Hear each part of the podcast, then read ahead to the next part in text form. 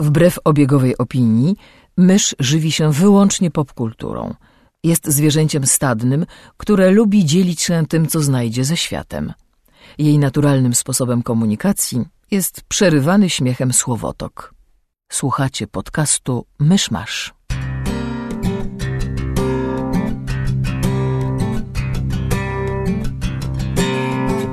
Gospodarzami podcastu Myszmasz są Krzysiek Ceran, redaktor portalu Avalon. Kamil Borek ze studia Kobart. i Mysz, autorka bloga Mysza Mówi. Drodzy słuchacze, jest 4 maja 2015 roku.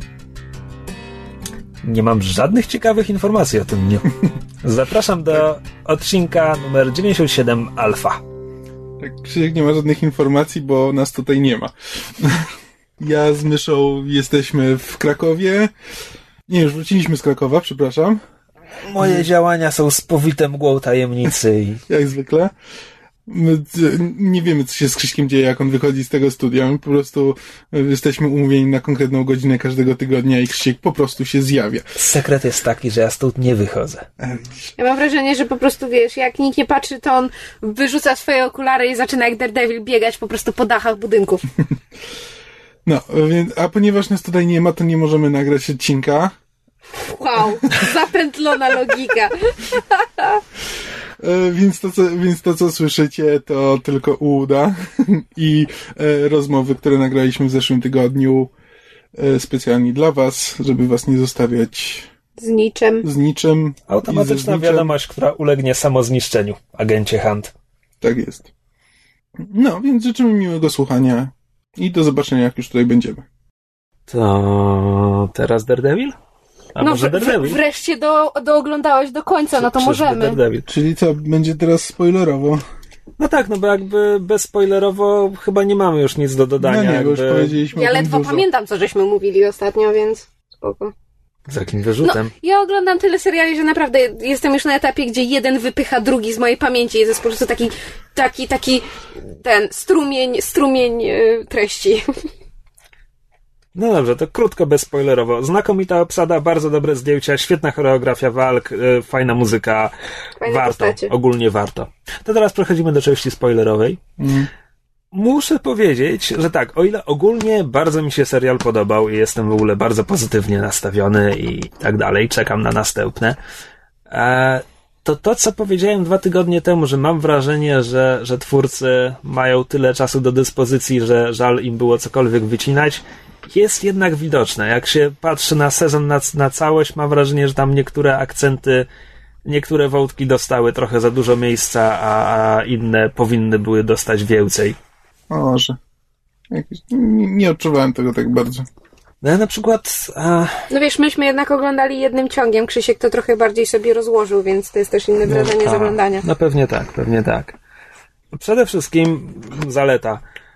Narzekam od bardzo dawna, że e, w MCU nie ma dobrych złych. No to więc mamy dobrego jest, złego. Jest Kingpin i Kingpin po prostu zżera wszystkich Lokich jak omlety na śniadanie. Tak, tylko e, już jesteśmy spoilerowo, prawda? Tak, zdecydowanie. Tylko, że jakby e, e, jest fascynującą absolutnie postacią przez cały, przez cały pierwszy sezon, tylko zastanawiam się, co będzie w drugim sezonie, bo w drugim sezonie wygląda na to, że Kingpin, jeśli się pojawi, chyba, że wybiorą kogoś innego, to będzie motywowany głównie zemstą, co jest motywacją właśnie tych wszystkich złych z MCU. My, co, mam ja, mam, nadzieję, ja że... mam wrażenie, że e, w drugim sezonie mogą go przetrzymywać w więzieniu, ale jako takiego drugoplanowego złoczyńcę. No, że, zajmą, że zajmą się To może czymś być innym, lepsze i a- mam nadzieję, że Bo po prostu sięgam pamięcią do komiksów. Znowu, nie, nie czytałem dużo Daredevila, ale wiem, że w komiksach Kingpin siedział w więzieniu i z więzienia manipulował też wydarzeniami. mówię, że on przez cały pierwszy sezon jakby nie jest Kingpinem, jakby nie, to nie jest ten wielki zły, który e, całym No, w zasadzie rządzi. jest. Znaczy, no, ma bardzo duży wpływ i ma jakby, wiesz, ma bardzo No tak, dużo... no, nie, wszyscy nie podlegają mu bezpośrednio, ale, No, ale tak, ale- tak naprawdę rozstawia ich po kołtach jak chce.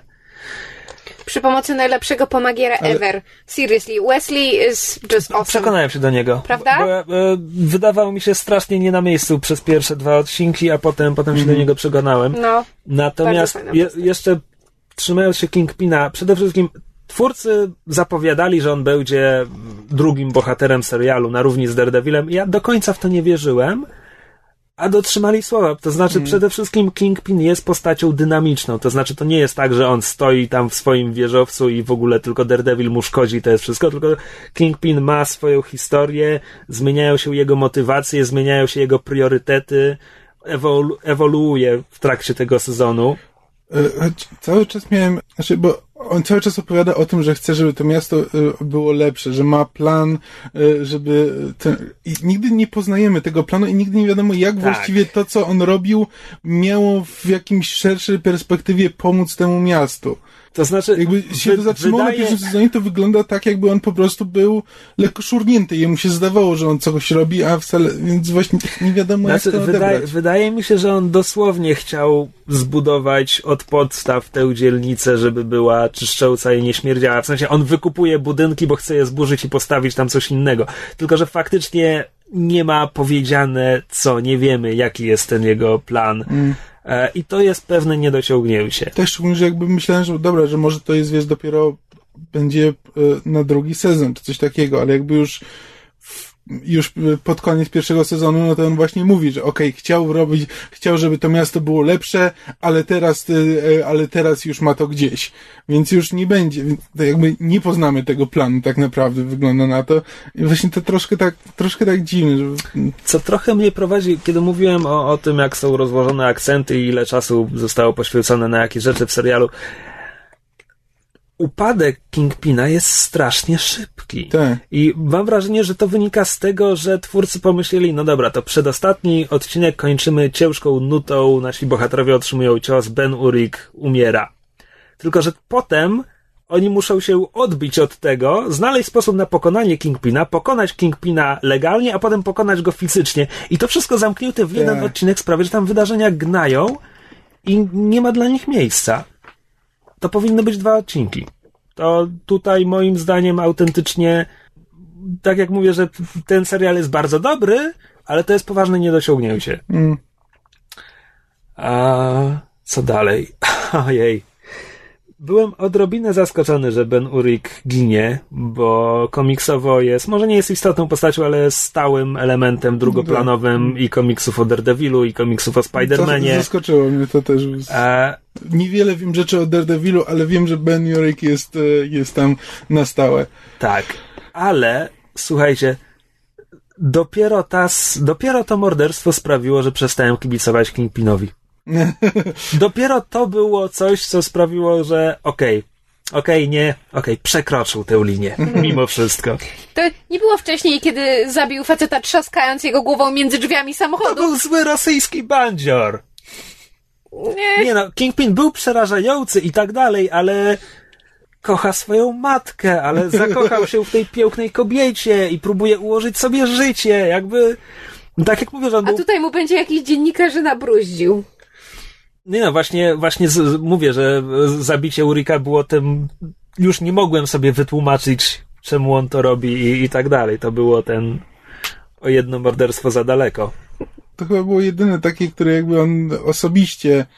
No, czy- poza rosyjskim bandziorem. Tak, ale jakby, to, tak, jakby kogoś, kogoś niewinnego jakby osobiście. e, Zazwyczaj tak. to było jakieś, zazwyczaj no to ktoś inny za niego się pozbywał tych niewygodnych świadków, czy z tych, którzy mu bruździli, a to jest po raz pierwszy jakby własnymi rękoma i to tak dosyć brutalnie. No, Więc to, to tak zupełnie inaczej się wtedy patrzy na taką postać. Tak. Um, strasznie mnie śmieszyły sekwencje, kiedy Kingpin spotyka się ze swoimi kolegami, kolegami przestępcami i tam zawsze e, japoński mafiozo mówi po japońsku, chińska, chińska ta no, ta od narkotyków Kosmitka. e, zawsze, zawsze mówi po chińsku. E, I to jest takie. No ze sceny wiadomo, że oni rozumie, znają angielski, ale, ale scenariusz mówi, że mają mówić w swoim języku.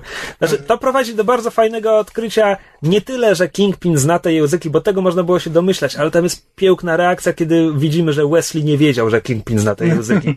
I to jest bardzo ładnie pokazane. To jest swoją drogą coś, co nie tyle to jest relacja Kingpina i, We- i Wesley, Wesley'ego, Wesleya. Wesley. Wesleya. Wesleya. Relacja Kingpina i Wesleya jest bardzo fajnie pokazana, a, bo tam widzimy, okej, to jest, to jest pomagier Kingpina i on jest, on mu służy, ale z, z drugiej strony widać, że on jest Kingpinowi potrzebny i że Kingpinowi autentycznie na nim zależy i że Ale- kiedy on nazywa go swoim przyjacielem, że to nie jest puste Tak, określenie. ale i, że Wesley też jakby, jemu też zależy na Kingpinie i to nie jest relacja na zasadzie pomagam ci, bo jesteś najsilniejszym człowiekiem jakby na planszy i chcę ci się przypodobać, tylko to jest autentycznie relacja taka właśnie Tak, i to jest ba- opiekuńcza jakby. To jest, to no. jest bardzo fajne, gdzie jestem bardzo ciekaw, skąd to się wzięło, ale jednocześnie zupełnie mi nie przeszkadza, że serial nam tego nie mówi, Mhm. ponieważ pokazuje to tak dobrze. Tak. Bo gdyby to było. To, to mogło być skopane. Gdyby ci aktorzy nie byli tak dobrzy i tak dalej, to mogło być takie, że no, on jest mu ślepowierny i, i tyle, i mamy to przyjąć na wiarę. Ale tutaj on jest mu ślepowierny i ja w to wierzę. Tak, dokładnie. Jestem zafascynowany tym, co mają zamiar zrobić z Madame Gao. Czy rzeczywiście będą ciągnąć Wiesz co, wątek zaraz, tego, że ona do jest tego, do tego zaraz, czy... do tego zaraz e, Hmm? przejdę. Ja nic nie wiem. Ona, no ona mówi niemal wyraźnie, ona mówi, że wraca do domu. Yy, Ten Liland pyta do Chin. Yy, Mój dom jest dużo, dużo dalej. Dobra, ona mówi coś momencie, takiego. jeszcze tylko chciałem dokończyć. Ponieważ jak już Kingpin e, wykłada karty na stół, że zna te języki, no to potem Vincent D'Onofrio, on się tak nazywa? Tak. Tak. No to potem Vincent D'Onofrio mówi po chińsku i japońsku. Ja japońskiego nie znam, ale znam chiński. I widzisz, przede wszystkim problem jest w tym, że on tę grę aktorską, którą gra Kingpina po angielsku, przekłada potem na chiński i te wszystkie pauzy i to, jak on wymawia rzeczy po angielsku, sprawiają, że jego chiński jest niezrozumiały. No tak. Ale kompletnie niezrozumiały. No ale mniejsza z tym. E, postarali się i, i w ogóle wypada to fajnie. No dobra, Madame Gao. To nie jest mój problem z tym serialem, tylko ja mam duże wątpliwości. To znaczy, w tym sezonie jest. Okej, dla mnie było w tych 13 odcinkach bardzo dużo wątków mistycznych i moim zdaniem było ich po prostu aż za dużo, ponieważ dla tego sezonu nic z nich nie wynika. One mogą podbudowywać pod drugi sezon, one- mogą podbudowywać pod inne seriale, ale oglądam to i myślę sobie, okej, znam komiksy, więc to jest fajne, że to tu jest i to jest fajne, że to tu jest, ale jakbym nie znał komiksów, to co to, co to tu robi? Co to jest? Co to znaczy? I czemu ta mała staruszka właśnie go uderzyła i on przeleciał przez całą salę? Jakby miałem wrażenie, ja wiem o co chodzi, przynajmniej wydaje mi się, że się domyślam o co chodzi, Znaczy, no, ale to było dziwne. Czy wiesz, no jakby tr- trzeba ten serial traktować jako część MCU, jakby nie można go zupełnie oderwać, szczególnie, że właśnie, mówię, no, wspominają wydarzenia z Avengersów, więc y, serial zakłada, że ktoś, kto go ogląda, jakby jest w jakiś sposób... Strasznie mnie śmieszy jedna, resztę. jedna, jedna z okładek, chciałem powiedzieć biugla, e, biuletinu, czyli gazety, w której pracuje Ben Urich, która wisi na, je, na jego ścianie, to jest o, o, o bitwie, jaką Hulk stoczył z Timem Rothem w Harlemie. I to jest chyba jedyne nawiązanie do tego filmu, jakie jest w MCU. W sensie cała reszta MCU trochę ignoruje Hulka z Nortonem. A, no proszę. Jakoś nawet nie byłem pewien, czy Hulk z Nortonem jest traktowany jako No jest oficjalnie przecież, jako Tony część Stark MCU. był. Przecież Tony Stark był tam w finale. A, to w tym. No. A, okej. No dobra, um, Madame Gao. E, Madame Gao jest z Kunlun. Nie jest z kosmosu, jest z Kunlun. To jest kun... Kunlun to jest e, miasto ukryte gdzieś w jakimś kieszonkowym wymiarze, do którego można się dostać z wysokich Himalajów, e, gdzie kształcą się w sztukach walki i to tam Danny Rand został Iron Fistem. A. E, tam mają smoka, który daje swoją moc e, Iron Fistowi. Iron Fist to jest pozycja, to nie jest, to nie jest jeden konkretny Mm, bohater, okej. tylko to jest pozycja, Widzicie, która ja- przechodzi. Ja zrozumiałem ten komentarz jako, że ona jest tam jakimś Kree czy czymś tam jeszcze. No nie, nie, nie, więc ona... y, Znaczy... Nie jestem tego stuprocentowo pewien, nie, no, ale tak? to by miało sens, no biorąc pod uwagę, jakie nas, że, że Tak, Iron Fist jest do częścią tego, tego. Coś, coś, czego ja już kompletnie nie kojarzę, ale e, mądrzejsi ode mnie ludzie w internecie mi pokazali. E, to, co jest narysowane na tych saszetkach z heroiną, które tam szmuglują niewidomi Chińczycy, byłem przekonany, że to jest po prostu znak zapytania. To nie jest znak zapytania, to jest taki, e, że tak powiem, wąż z pełtelką na końcu i to jest, i to jest symbol przeciwnika Iron Fista. No, proszę. Ej, ale to jakby kompletnie, kompletnie to przegapiłem. No więc mamy tak, Madame Gao jest na 99% z Kunlun, albo jest przynajmniej e, z Kunlunem powiązana. E, mamy symbol przeciwnika Iron Fista na narkotykach, okej, ciekawe.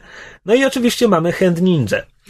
E, czyli kiedy zły japoński mafiozo Nobu staje naprzeciw Daredevila, jest ubrany na czerwono w tradycyjny strój e, czerwonych ninja e, z organizacji The Hand. Organizacja The Hand to są ci ninja, którzy masowo giną w walkach z Wolverinem, plus mają powiązania z Elektrą, Daredevilem. Daredevil kiedyś nimi dowodził, bo czemu by nie? Komiksy. Ale to był wtedy, kiedy był opętany przez demona. Widziałeś Arrowa z ostatniej odcinka. No tak. E, więc mamy Hand Ninja i mamy oczywiście Stika i e, tajemniczego mocodawcę Stika i jakieś szemranie o wielkiej odwiecznej wojnie, w której bierze udział Stick i w której miał brać udział Matt, ale, ale nie bierze w niej udziału.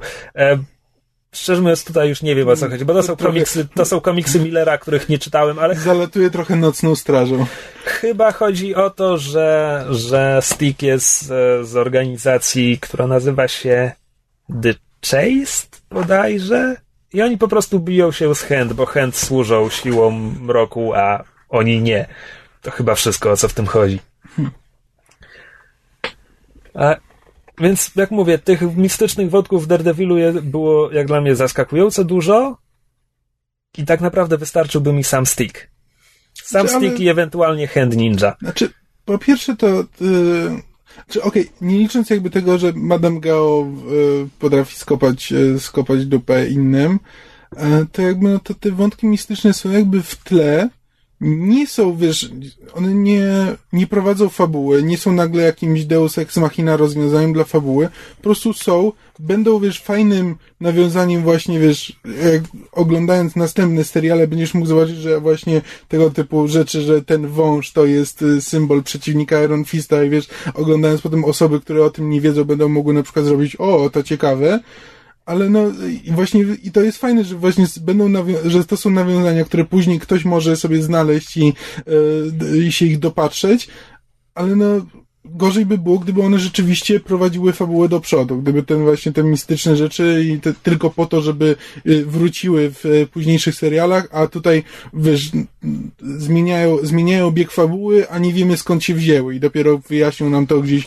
gdzieś później. Wtedy rzeczywiście miałbym z tym problem, ale jeśli to są tylko takie drobne smaczki dla tych, którzy wiedzą, ale nie z, ale też jeśli nie rozumiesz skąd się biorą, y, nie, nie przeszkadzają w odbiorze moim zdaniem. No, No tak, okej, no zastanawiam się, próbuję wcielić się w umysł odbiorcy, który powiedzmy, że nawet obejrzał tych Avengers i może nawet kojarzy, że Daredevil rozgrywa się w tym samym świecie, no ale mimo wszystko ma tę estetykę no tego ulicznego mściciela i tak dalej, i tak dalej, i tak dalej.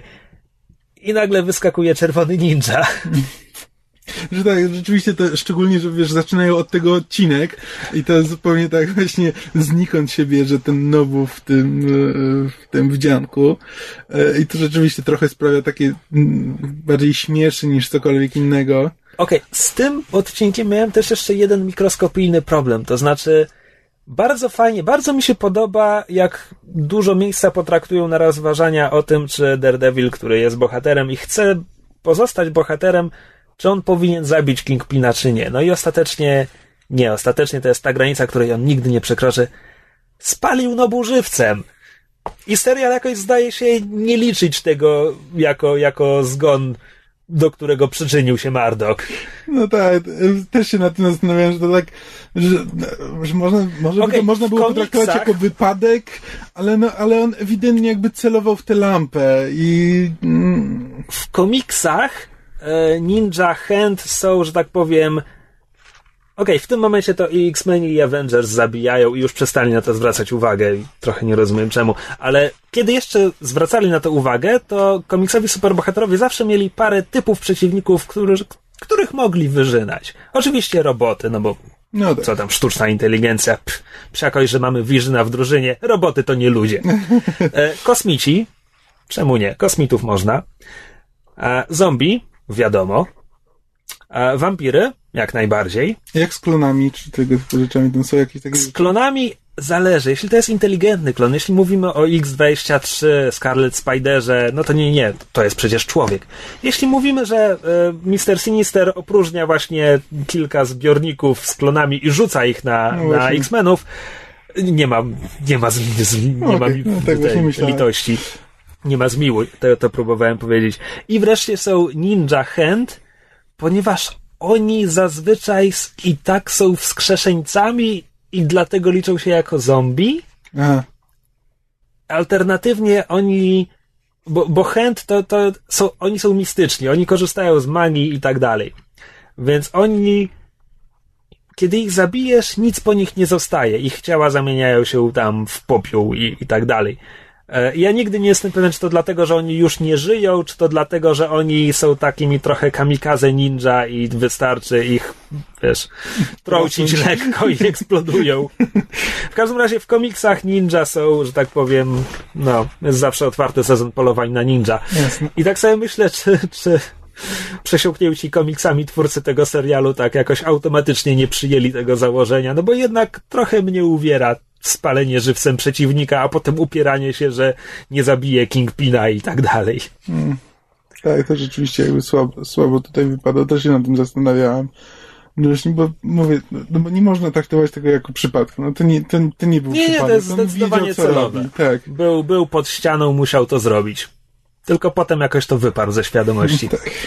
E, trzymając się jeszcze przez moment tych złych, strasznie polubiłem Lilanda. I tak jak z, śmierć Urika ma swoje miejsce w tym serialu i żal mi postaci i tak dalej, ale widzę, że widzę czemu to się stało. Tak Liland chciałbym, żeby on przeżył, bo on był trochę jak Wesley. On był tak trochę niepoważnie to wszystko traktował i mi się go strasznie fajnie oglądało. Aż tak. Ja się aż tak nie przywiązałem do niego. E, Ale to fajna postać była. No. To się zgodzę. E, On też jest, w komiksach też jest jednym z bossów e, ten przestępczego półświadka Nowego Jorku. Uważajcie, ksywa The Owl. A tak, tak. Ma absurdalną fryzurę i absurdalne bokobrody. Innymi słowy, wygląda jak dziki kuzyn Wolverina. Albo się Alzi nazywa, dobra już. E, I czasami je żywe myszy. A czasami nie. nie? To zależy od tego, jak bardzo, jak bardzo dosłownie artysta potraktuje tę jego sowiość. Sowieść? Sowiość. No dobra, i przejdźmy teraz do pozytywnych bohaterów, bo już mówiliśmy, że aktorzy są świetnie tam dobrani. I ja. I ja mówiłem, że Fogi jest fajnie Foggy. poprowadzony, ale mówiłem to znając tylko dwa odcinki, a teraz znając cały serial mogę to powtórzyć, bo Fogi jest rewelacyjnie Ja jestem za tym, żeby drugi sezon był prequel- prequelem pod tytułem Studenckie lata Fogiego i Mata, bo po prostu Le Grande Avocados. co, to było, to w ogóle cała ta sekwencja za ich studenckich czasów to było absolutnie bezbłędne. aczkolwiek, aczkolwiek peruki to były tak na poziomie Arrowa. Oj. A, nie, a rzeczywiście, ale- a tak cie, to jest naprawdę duże osiągnięcie poprowadzić taką postać tak ciekawie. Bo on spokojnie mógłby zniknąć, nagle mógłby po prostu, wiesz, zniknąć i zejść na drugi plan zupełnie i mogliśmy o nim zapomnieć, ale mimo wszystko serial o nim nie zapomina, wciąż, wiesz, cały czas gra, gra dosyć ważną rolę yy, i cały czas nie jest czymś więcej niż tylko, wiesz, comic relief. Fajnie jest poprowadzone. Znowu, mówię o rzeczach, o których przeczytałem, w sensie przeczytałem, że w komiksach tak jest, a nie przeczytałem te komiksy. Ale zdaje się, że w komiksach to jest tak pokazane, że Foggy jest właściwie lepszym prawnikiem niż Matt. I to w serialu znajduje pewne odzwierciedlenie, bo to Foggy tam przez tą swoją e, byłą e, dociera do informacji, które ostatecznie pozwalają zlokalizować tam tego świadka, który doprowadza do tego, że King, Imperium Kingpina zostaje rozmontowane.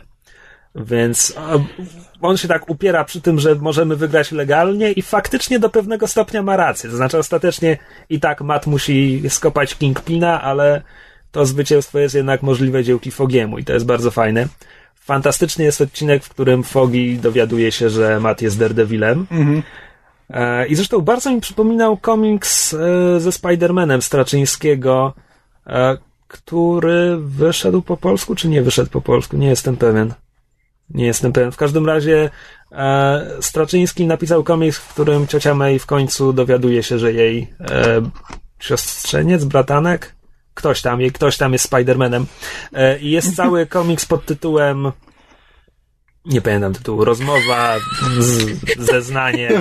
Właśnie, to, to zeznanie Wiem, coraz bardziej się wiem. stacza. Świetnie, świetnie mi to idzie. W każdym razie cały, cały... Ale najważniejsze, że skupiasz się na tym, co najważniejsze, czyli to, czy to wydane zostało po polsku, czy to jest bratanek, czy siostrzeniec. Dokładnie możemy zrozumieć, czemu zajmuje ci to tyle czasu, bo to są podstawowe informacje, podcast- które musimy poznać. Ten podcast taki profesjonalny. I cały zeszyt to jest rozmowa e, Petera Parkera ze swoją ciocią. I cały czas przypominałem sobie ten komiks właśnie przy tym, e, przy tym odcinku, a jednocześnie one mają podobieństwa mają bardzo różną wymowę, bo, bo jakby ciocia kocha swojego kogokolwiek, kuzyna pewnego. It's just getting better and better. Swojego listonosza. i stara się zrozumieć i w ogóle, a tutaj punktem wyjścia jest zestaw wściekłość Fogiego i to jest zrozumiała wściekłość i to jest bardzo fajne.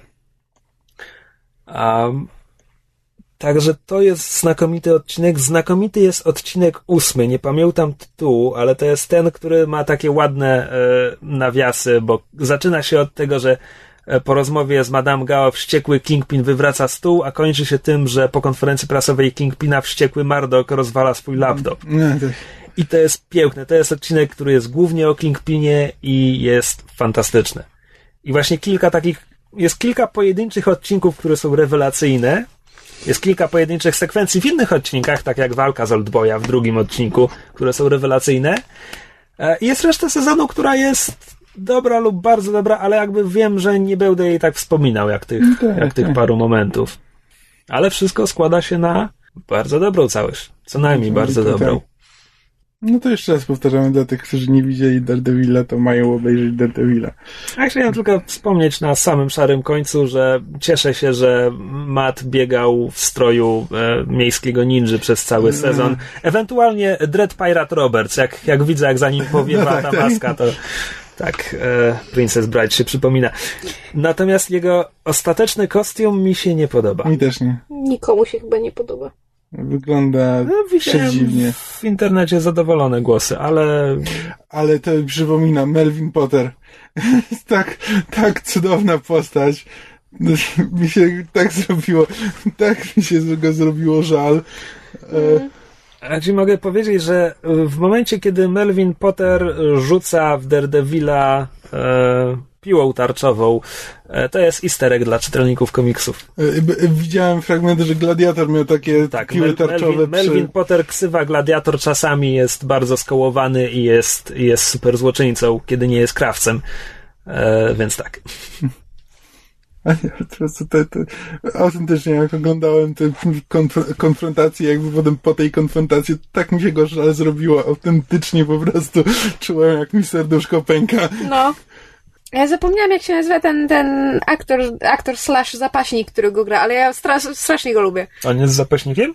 Ta, z tego co wiem, tak. Znaczy ja go kojarzę właśnie z... y, Znaczy nie, że ja oglądam zapasy, ale kojarzę go z tego, z tego rejonu. tak, Mam wrażenie, że jest zapaśnikiem. Ja jestem zupełnie na bakier z wrestlingiem, więc nie wiem. No dobrze, to tyle jeśli chodzi o Daredevila. Przechodzimy do kącika mailowego, prawda? A, zapomniałem, że mam maila. Ja mogę czytać? Ja mogę czytać? A umiesz? I have no idea. I'm gonna smack this microphone. Czekaj. I'm a smack a bitch. O, teraz już był wygłuszony. To przechodzimy do kącika mailowego. Napisała do nas słuchaczka Ela. I Ela pisze tak. Zbieram się do napisania do Was mniej więcej od czasu Waszego konkursu na temat odcinka niezwiązanego z popkulturą, ale jak widać idzie mi mniej więcej jak Wam z nagraniem pokonkursowego odcinka. No ale cóż, życie. Będziemy mieli w związku z tym pewną zapowiedź, ale to już na koniec odcinka. Tak. Em, na wasz podcast trafiłam z bloga myszy, na bloga myszy z bloga zwierza, na bloga zwierza z bloga Fabulitas, do niej chyba z blog Debart. Więcej nie pamiętam. Zacna droga. Dość długo się wahałam, czy w ogóle podcast odpalać, bo w sumie chociaż nie ma powodu, dla którego polskie podcasty miałyby być gorsze od angli- angielskojęzycznych, ale no cóż. Nie ma również powodu, dla którego polskie seriale miałyby w czymkolwiek ustępować powiedzmy BBC, a jak jest, wiadomo.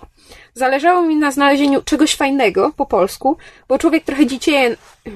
Dzicieje? Dziecinnieje. Za... Nie, nie mieliśmy kiedyś zasady, że nie czytamy tych pochwalnych części listów?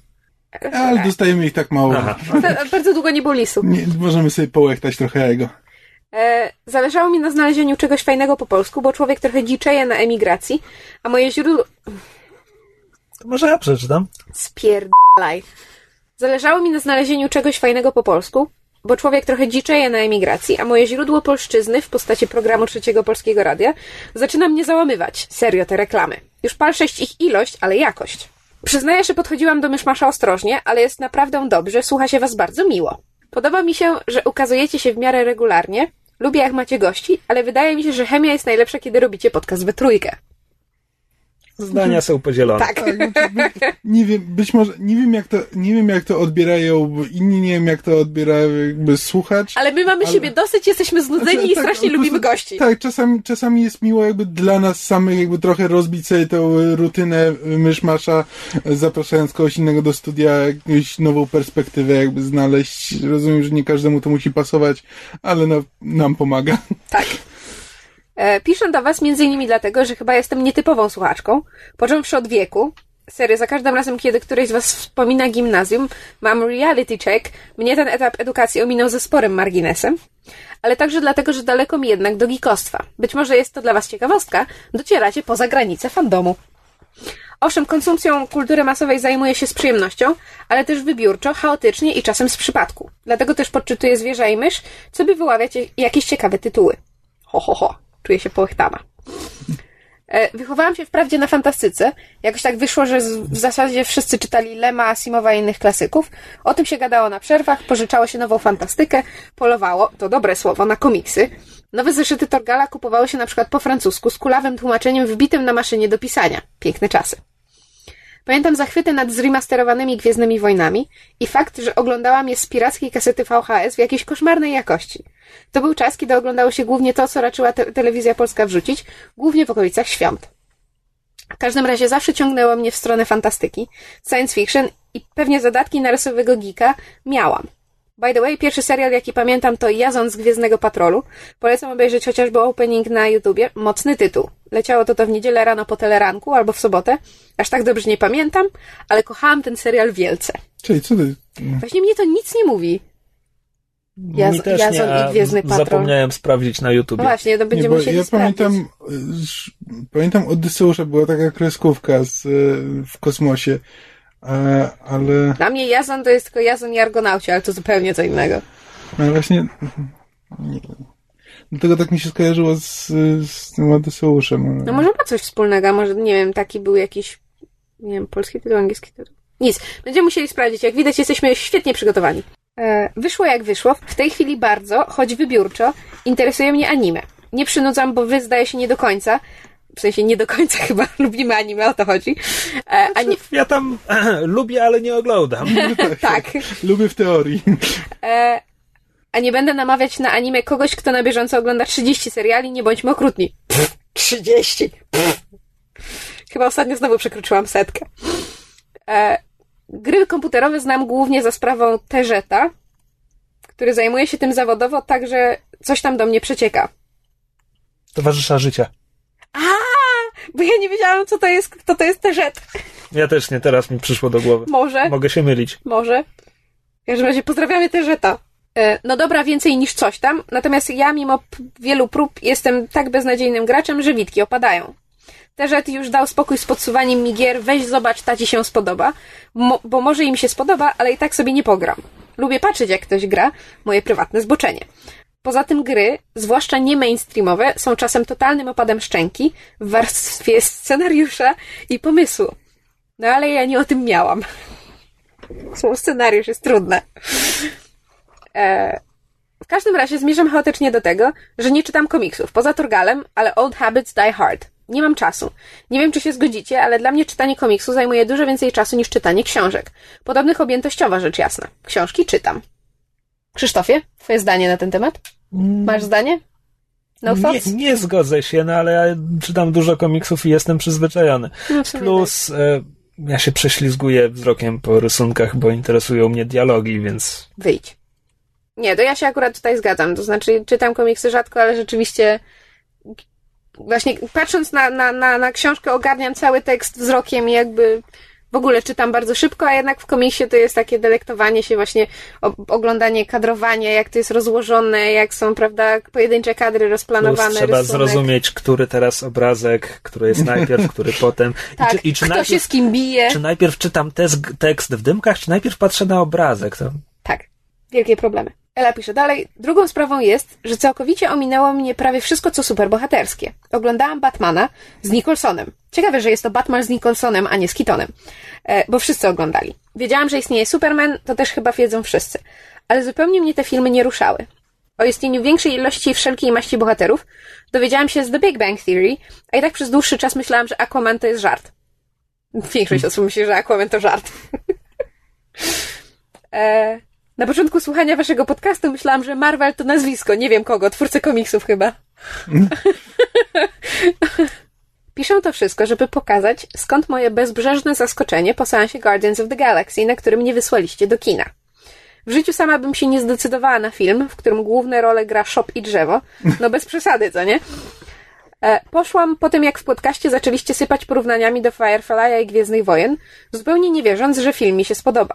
Gorzej, bałam się, że właśnie marnuję pierwsze wolne przedpołudnie od kilku miesięcy. By the way, 9.30 rano w poniedziałek, jakieś 2-3 tygodnie po premierze filmu, to idealny moment na pójście do kina, jak się okazało.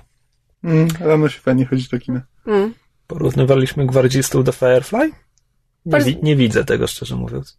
Mam wrażenie, że mogło nam coś wyjść a propos konstrukcji drużyny i jakiegoś takiego fajnego, fajnej chemii. Em, natomiast z chodzeniem w Polsce do kina na rano jest ten problem, że niestety niektóre produkcje wtedy są puszczane tylko z dubbingiem. Na przykład właśnie Guardiansi. E, Ela pisze dalej. Poszłam, bawiłam się lepiej niż wyśmienicie i wyszłam z uczuciem, że ja chcę więcej. Miałam wtedy wam złożyć jakieś wyrazy, ale oczywiście nie miałam kiedy. Natomiast w ten weekend połknęłam Daredevila i o matko, nadal mam kaca pofilmowego. Oglądam serial jeszcze raz, a ja naprawdę nie mam na to czasu i piszę do was maila, na co nie dość, że nie mam czasu, to mnie jeszcze z pracy wyrzucą. po prostu coraz Jest. bardziej winna się czuję. Niszczymy ludziom życie.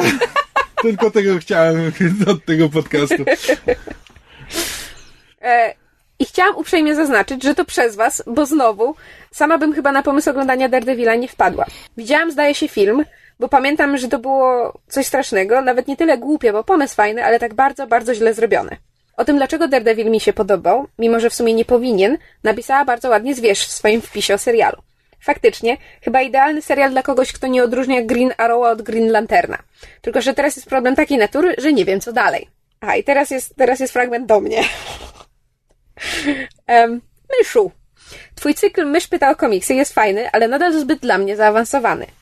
Mnie by się przydały takie totalne podstawy, co jest Marvel, co DC i dlaczego. O co chodzi z tymi... To Krzysio, co to jest Marvel, co to jest DC? Wydawnictwa komiksowe. E, Dlaczego? a dlaczego? Słuchaj, no to filozofowie mają wiele różnych odpowiedzi na to pytanie. Dla, dlaczego? Bo pieniądze. Tak, po pieniądze. E, o co chodzi z tymi wszystkimi grupkami typu agenci tarczy czy czegoś, Avengers i inne takie, jak one są tworzone? Inne takie, przecinek, jak one są tworzone. Naprawdę mam to wyjaśniać w tym momencie? Bo, A ewentualnie będziesz musiał napisać notkę wyjaśniającą. no właśnie, wiesz co, mi jest trochę ciężko operować na takim poziomie absolutnego ABC. Dobrze, to może przeczytam wszystkie pytania i ewentualnie się ustosunkujemy Okej. zbiorczo. Czy każdy scenarzysta wrzuca sobie kogo chce, gdzie chce? Jest w tym jakiś głębszy sens? Czy obowiązują jakieś zasady? Może wymaganie logiki w świecie, gdzie ludzie sobie latają i rzucają młotkami, to za dużo? Tak, po Daredevilu obejrzałam sobie Tora, bo mi się Netflix na Netflixie wplątał. No i trochę tak jakbym wzięła do ręki losowy zeszyt jakiegoś komiksu i pewnie tak miało być, ale ja nie o tym miałam. Wydawałoby się, że tak, skoro ileś tam postaci funkcjonuje w ramach tego samego uniwersum, to jakieś zasady powinny obowiązywać. Czy też raz na jakiś czas umawiamy się, że grupowo zapominamy, co się działo do tej pory. Znaczy, no, w No dobra, komiksach tutaj tak, jest pytanie. No, Okej, przede wszystkim, przede wszystkim e, nie zgadzam się z tym stwierdzeniem, że skoro tam latają z młotkami, to nie można wymagać logiki, bo trzeba. Bo od historii trzeba wymagać logiki. nawet ten, nawet, a może zwłaszcza fikcyjnej. E, co do tego, czy scenarzyści mogą sobie wrzucać każdego i tak, i nie. To znaczy tak, e, i Marvel, i DC mają swoje, swoje uniwersum, gdzie ci wszyscy bohaterowie istnieją w tym samym świecie i mogą się swobodnie spotykać i, i się okładać po twarzach. I to nie są jedyne komiksy, które te wydawnictwa wydają, bo utrzymują kilka takich światów, czy nie, nie każdy komiks, który wydają, jest częścią w ogóle jakiegokolwiek wspólnego świata, może stanowić własną rzeczywistość. Natomiast w ramach tej jednej wspólnej rzeczywistości te postaci mogą nie tylko mogą się spotykać z postaciami z innych komiksów, mogą też po prostu przeskakiwać z komiksu do komiksu albo występować w kilku naraz, tak jak Wolverine był naraz X-Menem i Avengerem, a Beast nie naraz, bo zazwyczaj jak opuszczał X-Men, to był wtedy Avengerem, a jak zostawał znowu X-Manem, to przestawał być Avengerem. E, co do tego, czy scenarzyści mogą dowolnie wykorzystywać kogo im się żywnie podoba, ogólnie rzecz biorąc tak, aczkolwiek redaktorzy kiedyś, i mówiąc kiedyś mam na myśli mm, może, może lata 80., bo później już nie, e, redaktorzy w Marvelu autentycznie pilnowali, żeby jeśli postać, jeśli Wolverine ma akurat miniserię, w której leci z Kitty Pride do Japonii, to w tym momencie Wolverina i Shadowcat nie ma w komiksach o X-Menach, bo oni są w Japonii. To były cudowne lata 80., kiedy tam można było się jakoś połapać w tych komiksowych wydarzeniach i to mniej więcej miało sens. E, od dawna już tak nie ma, więc postaci mogą występować jednocześnie w kilkunastu różnych komiksach, w których robią kilkanaście różnych rzeczy. A, więc trzeba przyjąć na wiarę, że to, że jakoś znajdują na to czas. Bo w tym momencie w komiksach już bardzo rzadko jest wyraźnie powiedziane, że o, to się działo przed tym, a to się działo potem. Zazwyczaj to się dzieje w jakimś niedookreślonym teraz.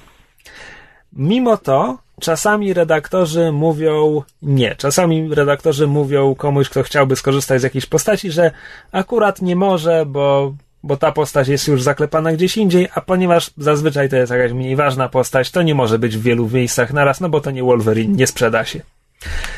A, więc tak, red, e, scenarzyści co do tego, jakie postacie wrzucają do swoich komiksów, mają dość dużą swobodę. Czasami redaktorzy mówią im nie, a natomiast mają bardzo różny stopień swobody co do tego, co robią z tymi postaciami. I to też, to się różni trochę między DC i Marvelem. Teraz DC ma taką złą, złą reputację, że, że tam redaktorzy strasznie trzęsą scenarzystami i że to oni im dyktują właściwie, co mają pisać. I przyjęło się, że przynajmniej obecnie w Marvelu scenarzyści mają większą swobodę, aczkolwiek do tego są na przykład takie rzeczy, że to, że to redakcja, ktoś, ktoś zbiorczo wymyśla, że okay, to teraz zrobimy taką dużą historię, w której wezmą udział Avengers i X-Men i potem to jest taki odgórny dekret i scenarzyści się dowiadują, okay, w tym roku w, w wakacje robimy taką historię, musicie to uwzględnić. Cokolwiek teraz piszecie, w tych kilku numerach musicie uwzględnić to wielkie wydarzenie. E, I to jest takie ciągłe przeciąganie liny, że czasami, wiesz, czasami więcej swobody mają scenarzyści, czasami, czasami więcej do powiedzenia mają redaktorzy. Plus do tego są jeszcze e, 300-kilogramowe goryle, które mogą robić co chcą, bo mają taką pozycję, bo ich komiksy tak dobrze się sprzedają i tak dalej. I w DC to jest Jeff Jones, który robi co chce. W Marvelu to jest na przykład Brian Michael Bendis, który niestety robi co chce i jemu przydaliby się redaktorzy, którzy potrafiliby mu powiedzieć nie, bo on robi bardzo dziwne rzeczy czasami i po prostu no, robi bardzo dziwne rzeczy. Już nie będę teraz wylewał swoich żali na, na Bendisa, ale mam, mam sporo zastrzeżeń. To tak, to w dużym skrócie o to chodzi w Marvelu i DC. No, a czy jest jakiś taki mm, e, jakaś taka cecha, coś co odróżnia świat Marvela od świata DC, czy jakiś taki... Żeby nie bawić się w wymienianie wszystkich bohaterów. No tak, żeby, czy, czy coś jakieś, czy widzisz jakąś taką, wiesz, zasadniczą różnicę między tym, co produkuje zazwyczaj Marvel, a tym, co produkuje DC, czym się różnią ich światy, ich bohaterowie, DC bardzo lubi. To jest po prostu DC różnica bardzo, po prostu ma... bohaterów, różni bohaterowie i to jest wszystko. DC bardzo lubi robić sieroty. Marvel, Marvel też. też. Ale jakoś mam wrażenie, że więcej bohaterów DC jest osieroconych, ale może to jakieś to moje... trzeba by policzyć, ale wątpię. Wiesz co, nie ma zasady, która, która by się... Nie mogę powiedzieć, że okej, okay, różnica jest taka, mogę powiedzieć co najwyżej, że w tym momencie różnica jest taka, bo jak porównamy sobie historycznie, jak sięgniemy do komiksów sprzed 10 lat, to już się okaże, że na przykład było odwrotnie e, i tak dalej. To, czym Marvel wygrywał w latach 60., to było tworzenie postaci z problemami. I to, było, to był taki standard, że o, tam nie ma tam nie ma nadludzi, którzy, których życie jest, że tak powiem, nadludzkie. Bo jeśli mamy Ironmana, który, który jest bogatym przemysłowcem i tak dalej, no to serce mu wysiada i on zaraz zginie, jeśli nie będzie podłożony do tej bateryjki. Jeśli mamy Hulka, no to on ma, on ma, on ma więcej problemów niż czegokolwiek innego. Jeśli chodzi o Spidermana, to on jest, on jest e, wiecznie biedny, zabiegany e, i krewni mu giną. Jeśli chodzi o X-Menów, no to świat ich nienawidzi. E, w przeciwieństwie do DC, których bohaterowie wtedy przynajmniej byli na piedestale. To znaczy, hmm. Superman jest podziwiany. Batmana może, może się ludzie boją, ale jakby nikt nie kwestionuje tego, co on robi i tak dalej. Też nie za bardzo ma problemy, no ma, no, poza tym, że rodzice, rodzice mu nie żyją, no to mimo wszystko, no wiesz, już jest dorosły, dorosłym mężczyzną i tam już wiele własnych problemów no tak, chyba nie miał prywatnych. Natomiast to jest sytuacja z lat 60. i od tego no czasu tak. jakby DC i wprowadziło bohaterów z problemami i pogłębiło postacie istniejących, więc to już nie jest jakaś e, kluczowa różnica. E, w tym momencie różnica jest taka, że Marvel daje swoim scenarzystom więcej swobody i ma więcej serii, które, które się wyróżniają na tle innych, w przeciwieństwie do DC, które jeszcze dwa lata temu, po resecie ostatnim, właściwie te komiksy, poza kilkoma wyjątkami, jak nie wiem, e, Swamp Thing, wszystkie były takie same. To znaczy, jest coś, co się nazywa house style w odniesieniu właśnie do dużych wydawnictw komiksowych e, amerykańskich i to jest takie, że że ich komiksy wyglądają tak i to się odnosi z, przede wszystkim do, do rysunków, że jest taki, taka wąska, wąska skala rysunków, które są przez dane wydawnictwa akceptowane, że na przykład nie ma zbyt karykaturalnych, nie ma zbyt mangowych i tak dalej, i tak dalej. E, natomiast można to odnieść również do scenariuszy. I House Style DC przez ostatnich kilka lat to był, to był mrok, to byli ludzie tracący kończyny i w ogóle wszystko było źle i smutno i ojej, jak jest poważnie. W przeciwieństwie do Marvela, który był bardziej kolorowy. Co jest śmieszne, bo to jest, co, co jest śmieszne, bo to jest właśnie odwrócenie tej sytuacji z lat 60. Tyle tylko, że znowu już przestaje być adekwatne, bo DC, DC odniosło sukces z tą nową, znaczy odmienioną Batgirl e, i potem wypuściło takie serie jak Gotham Academy, który jest Hogwartem w Gotham, e, czy Gotham by Midnight, który jest takim trochę horrorem nadnaturalnym o, o specjalnej jednostce policji w Gotham, bardzo fajne, rysowane przez Bena Temple Smitha, który ma bardzo charakterystyczną kreskę, też zupełnie, że tak powiem, nie nie, nie pasującą do house style DC. E, w związku z czym DC zauważyło, że robi coś nie tak i pomału, pomału zaczyna różnicować swoją ofertę, co jednocześnie oznacza, że znowu stają się bliżsi Marvela i tak mhm. naprawdę, jak się bardzo dokładnie przyjrzymy, to różnicą jest ten zbiór postaci. Mhm. A czy bo tutaj jeszcze Ela się pyta, czy czasem kolektywnie jest podejmowana decyzja, że wszyscy zapominamy o tym, co się wydarzyło? Tak, nazywa się to Redcon. E, nie, nie, nie, nie. Redcon to jest Retroactive Continuity i to jest historia, która ci pisze, że coś, co wydarzyło się w komiksach kilka lat wcześniej, wydarzyło się zupełnie inaczej. Natomiast takie kolektywne zapominanie, co się stało, to w DC nazywa się e, reboot albo restart. I to mm. jest co do, coś, co DC e, funduje sobie z pewną regularnością ostatnio, trzy lata temu. Marvel to była ta różnica dotąd, że Marvel tego nie robi, a przynajmniej nie robi tego na skalę całego uniwersum, bo jakieś małe resety robi ciągle. E, właśnie tutaj, tutaj zaciera się różnica między resetem a retconem, no bo na przykład no właśnie, to tak. Punisher był weteranem e, z wojny wietnamskiej. Ostatnio w komiksach jest już raczej mowa albo o operacji Pustynna Burza, albo w ogóle o Afganistanie, w sensie ostatnim. Więc to jest coś, co się zmienia. No, są te, są te durne kwestie z małżeństwem Spidermana, które szatan mu zabrał. E, Więc w Marvelu też co jakiś czas ludzie zapominają, że coś się stało i czasami jest ku temu konkretny powód, to znaczy konkretnie ta historia sprawia, że coś się nie wydarzyło lub wydarzyło się zupełnie inaczej, a czasami po prostu masz wrażenie, że w redakcji panuje taka niepisana dżentelmeńska umowa, że nigdy więcej o tym nie wspomnimy. Jest dużo takich rzeczy. We do not speak of it. Jest, jest bardzo dużo takich rzeczy. Ostatnio właśnie słuchałem podcastu, o którym pisałem na, na fanpage'u, czyli Rachel and Miles Explain the X-Men, gdzie jest historia e, z miniserii pod tytułem X-Men and Micronauts. E, Mikroversum to jest takie uniwersum, które istnieje w ramach uniwersum Marvela i tam, żeby się dostać, trzeba się miniaturyzować, bo powody. E, Był w tejże historii e, ciemna strona umysłu profesora Xaviera przejmuje kontrolę nad profesorem Xavierem i profesor Xavier wyżyna miliardy istnień w mikrowersum oraz dokonuje telepatycznego gwałtu na Daniel Mundstar. Jezus. To nie wychodzi później. O tym się nie mówi. No. To odpowiadając na twoje pytanie, Elu, komiksy są dziwne. E, Ela pisze dalej. Zaczęło mnie to interesować za sprawą Daredevila oczywiście. Chciałabym wiedzieć, co ewentualnie powinnam nadgonić, żeby mniej więcej skumać seriale z jego udziałem. Chociaż na szczęście już dzisiaj czytałam, że jednak będzie drugi sezon. Nie wiem, czy się przekonam do komiksów. Może mi trochę przejdzie. Krzysiu, czy są jakieś komiksy o Daredevilu, które warto czytać? Ewentualnie co warto przeczytać przed resztą Netflixowych seriali? No słuchaj, Ela już obejrzała Daredevila, więc nie musi niczego czytać, żeby zrozumieć Daredevila, bo po 13 odcinkach wydaje mi się, że rozumie Daredevila. Żeby przygotować się do następnych seriali, no to na pewno warto przeczytać serię pod tytułem Alias, pisaną przez Briana Michaela Bendisa z biegiem okoliczności, z rysunkami Michaela Gaydosa. To jest seria, w której zadebiutowała Jessica Jones i to jest jakby podstawa dla następnego serialu, tego, który będzie miał premierę jeszcze w tym, w tym roku. W grudniu.